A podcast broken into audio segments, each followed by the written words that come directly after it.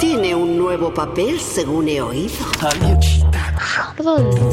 Alguien más. Acabo, acabo de volver de la India. Tuve una disentería fantástica. ¿Y tú qué cura estás haciendo? En la montaña un viejo le estaba leyendo la Odisea a un niño.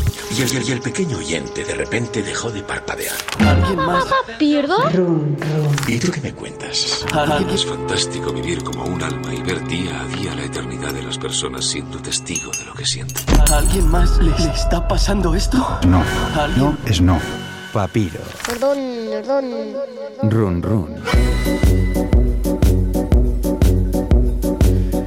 Inco Martín y su sección Papiro Run Run. Aquí estoy, a tope. Sientes el vértigo del regreso. Me gusta, me gusta el vértigo este. Sí, Esa sí, sensación, sí. ¿eh?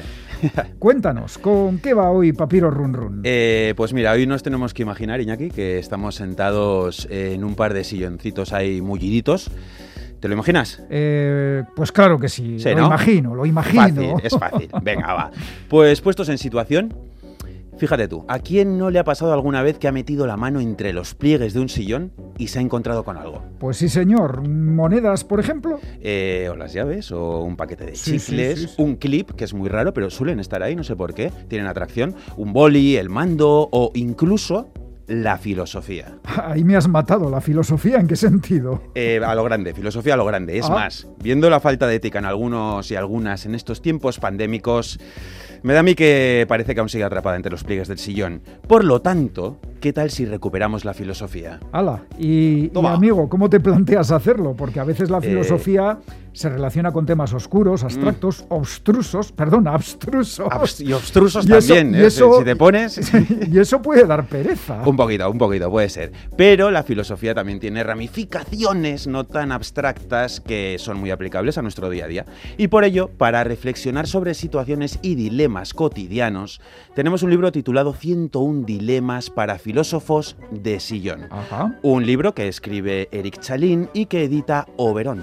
Eh, 101 dilemas que 101. cualquiera puede, podemos vivir. Eh, sí, dilemas de nuestro mundo. eh, te pueden tocar o no. Ajá. Sí, pero bueno, ahí están. Eh, sí, en el libro se dividen en 11 temáticas. Tenemos, por ejemplo, dilemas personales, dilemas sociales, médicos, sexuales, científicos, religiosos y algunos cuantos más. Algunos son eh, pues bastante importantes, por ejemplo, por qué el asesinato se castiga con una pena más severa que la tentativa de asesinato. Y luego hay otros más así de risas o más banales, en plan como, eh, pues debería decir que un regalo no me gusta o debería mentir. Eh, entiendo que son dilemas que plantean cómo debería ser nuestro comportamiento o el de otras personas, pero la clave Inco es esta. ¿Nos da el libro la respuesta a esos dilemas, amigo? No, no, Ah, no vale, se la vale, da, no, vale. no, la filosofía Me- no nos me da habías respuesta. inquietado. No, eso estaría muy guay, ¿eh? pero no, la filosofía hace algo más guay, no da respuestas, sino que hace que te plantees preguntas, Ah. que eso es más guapo también. Sí, sí. Y por ello, eh, en este libro, cada dilema va ilustrado con una sencillita hip- situación hipotética y mediante materiales explicativos como por ejemplo experimentos mentales, analogías o citas, pues se nos explican los enfoques que diferentes filósofos a lo largo de la historia pues han desarrollado a partir de situaciones similares a esas. Y, y de ahí deja que tú tomes la resolución. Eh, sí, en realidad con solo pensar ya hemos dado un gran paso. La idea eh, del bueno de Eric Chalín pues es que este libro sea como un punto de partida para que investiguemos un poco sobre la ética. Así algo como una herramienta que puede ayudarnos a ver las cosas de diferentes perspectivas y a partir de ahí, quién sabe, que salga lo que salga. Bueno, y lo que decías al principio, lo de imaginarnos que estábamos sentados en un sillón era porque Yo vamos estoy a- sentado, no sé tú, pero yo estoy ya sentado. ¿eh? Bueno, Desde sí, que- sentado así. estoy. Lo que pasa es que en Sí. un sillón mullidito, mullidito, Que bueno, sí, es que una silla imagínate de lo estas que de es fácil. oficina, compañero. Bueno, bueno, yo Bueno, lo veo como si... lo, lo de esto, lo de sentados en un sillón era porque Mm. vamos a acercarnos a alguna de estas situaciones, ¿no? Por supuesto. Así que directos al sillón de la reflexión.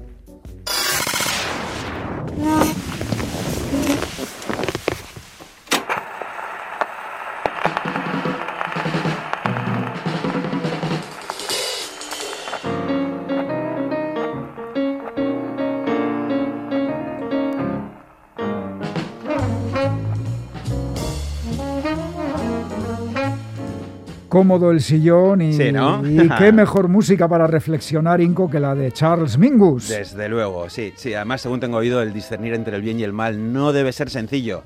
Así que mejor estar cómodos y con buena música. Pues sí, por cierto. Eh, vamos a ver, ¿y por cuál de los 101 dilemas vamos a empezar? Que son bastantes. Pues mira, he escogido, vamos a ir con tres, pero de primeras he escogido uno de tema personal, ¿vale? Mira, Vale. imagínate que tenemos un curro que no nos da pasta, así como para mucho lujo. Ya, ya, ya, ya. Sí, ¿no? Es fácil de imaginar. Sí, vale. Eh, pero cada día, al salir del trabajo, pues tenemos la costumbre de darnos un pequeño caprichito. ¿A ti te gusta el café? Me gusta y sobre todo en momentos concretos, ese cortadito justo después de comer. Ah, Mm, sí, sí, sí, eso es puro placer, puro placer, sí, sí. Pues mira, justo al lado del curro, imaginemos que hay una cafetería en la que hacen un café que es un poquito caro, pero lo flipas. Ah, ¿Vale? Vale. Y cada tarde tenemos la costumbre de tomarnos uno a modo de, de lujo, pues de sí, lujazo. está bien, hombre. Total, que una tarde antes de pillar nuestro café, nuestro café deluxe, pues nos cruzamos con alguien de una ONG y nos dice que por el precio de ese café podríamos pagar el tratamiento que salvaría de la ceguera a una persona del tercer mundo. Ay, ay, ay, dilema, o, o- o café o ceguera. Sí, eh, ponemos en la balanza nuestro efímero placer cafetero frente a la, pan- a la pérdida de la visión de una persona. ¿Y qué hacemos? Le damos el dinero del café al de la, al de la ONG. ¿Cómo nos sentimos tras esto, Iñaki? A ver, pues eh, bien, ¿no? Eh, sí, yo creo que sí. Pues sí, Sí, hombre. justo después pasamos por delante de la cafetería y aunque nos da pena no disfrutar de nuestro café, pues creemos haber hecho lo correcto, claro que sí. Pero, ¿qué pasa el día siguiente? Eh, ¿Vuelve a estar eh, el de la ONG? Es una buena pregunta, pero no. Ah. Esta vez no está. Pero si hubiese estado, hubiésemos vuelto a darle el dinero del café. Pues a ver, sería lo lógico mm, según lo hecho el día anterior, ¿no? Sería lo lógico, sí, sí, sí. Total, que llegamos a la cafetería del divino café, nos paramos enfrente y pensamos, ¿volveremos a disfrutar de ese, ca- de ese pequeño lujo tal y como lo hacíamos antes? Quién sabe. Volveremos, quién, ¿Quién sabe, sabe? quién sabe. La cosa es, a todos nos gusta darnos caprichitos de vez en cuando, pero ¿no hay siempre algo más valioso a lo que dedicar el dinero?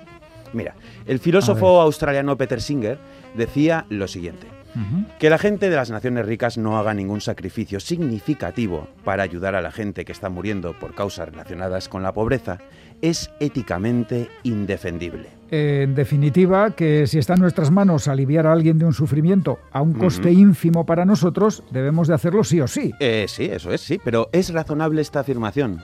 Se cumple. Mm, Podría llegar a ser que incluso eh, pues pensásemos que esto no es razonable, que no es razonable esta, esta afirmación. Pero en ese caso, ¿por qué no lo es? Y por otro lado, ¿sería diferente si esa persona enferma se encontrase justo delante nuestro o a 15.000 kilómetros? eh, da mucho Mm. que pensar, ¿eh? Sí.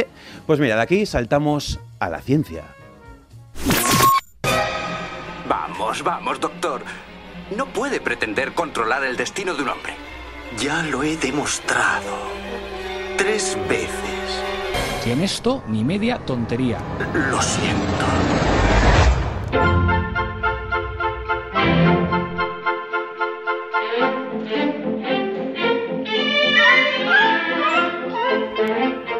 Inco, ¿con qué nos encontramos esta vez en el sillón de la filosofía? Eh, con Pablo Iglesias, no, no, no. No, no sa- no- no sabía que hacía ciencia ficción, eh, por cierto. Pero bueno, eh, nos, nos encontramos con que somos un niño que va con su amachi a una tienda de animales. Llamémosla de mascotas, mejor dicho. ¿Y en busca de qué? De un ratoncito de compañía, pero un ratoncito muy especial. Eh, ¿De los que saben cocinar? Eh, no, de momento no sabe, pero vete a saber tú si más adelante, si lo mandamos a Masterchef ratón, igual sí. El dueño de la tienda saca una caja, la abre y le voilà, dos ratones blancos albinos. Eh, bueno, así de principio no parecen tan especiales. No, no lo parecen, pero en ese momento el dueño apaga las luces de la tienda y ¡zas! Zas. Los ratones brillan. ¡Hala! Y además van cambiando de color, de Ay, rojo, ay, ay, ay, sí, sí, ay. es en plan disco, de rojo pasan a azul, de azul a verde, verde a morado y tira. ¿Y cómo puede ser? Pues mira, el dueño les explica, nos explica que esos ratones tienen genes de varias medusas bioluminiscentes Jesús. y que por eso brillan en la oscuridad y cambian de colores. Por lo tanto, con la biotecnología hemos topado, Iñaki. ¿Y eh, no son peligrosos? Eso es lo que pregunta nuestra Machi. Y el dueño, pues. Bueno, y yo de- también preguntaría. Sí, sí, sí, pero, a ver, somos pequeñitos, estamos flipando Ah, con los vale, colores. vale, somos estamos niños, flipando, sí, vale, nosotros estamos sí, ahí. sí. Dejamos a los mayores que actúen. Sí. Y total, que el dueño de la tienda, pues le responde a la Machi que no, que son inofensivos, que están completamente desarrollados, que no pueden reproducirse y que tienen una esperanza de vida entre, entre 14 meses y 10 días. Es decir, una nueva forma de vida. Eso es, exacto. Un paso más allá de los ratones colorados de Jesús Quintero. Un poquito más allá, no mucho más, ¿eh? no te creas. Bueno, eh, crear nuevas formas de vida es algo posible gracias a nuestros conocimientos respecto a los genomas de las plantas y de los animales.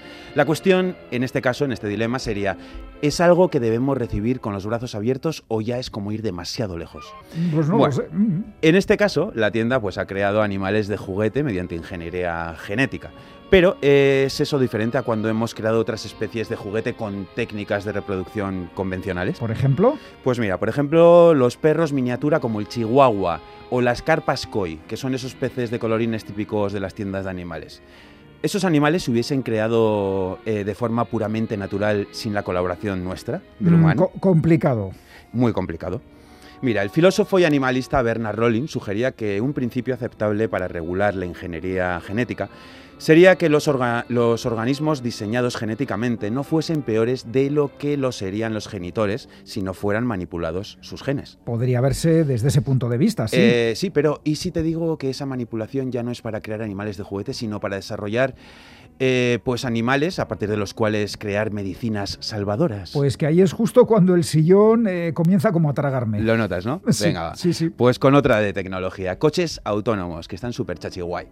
Son la Sí, leche, sí. sí. O sea, sí. Van ellos solitos, mientras tú puedes leer, ves la tele, curras, puedes incluso comer, Eh, puedes hacer Mm, muchas sí, cosas. Sí, sí. Y además de todo eso, son la solución a los atascos y encima contaminan menos. Mm, todo pinta bien. De momento sí. Sí, eso Además- diría yo, eh, de momento. Sí, sí, sí, de momento. Va a ir luego para peor.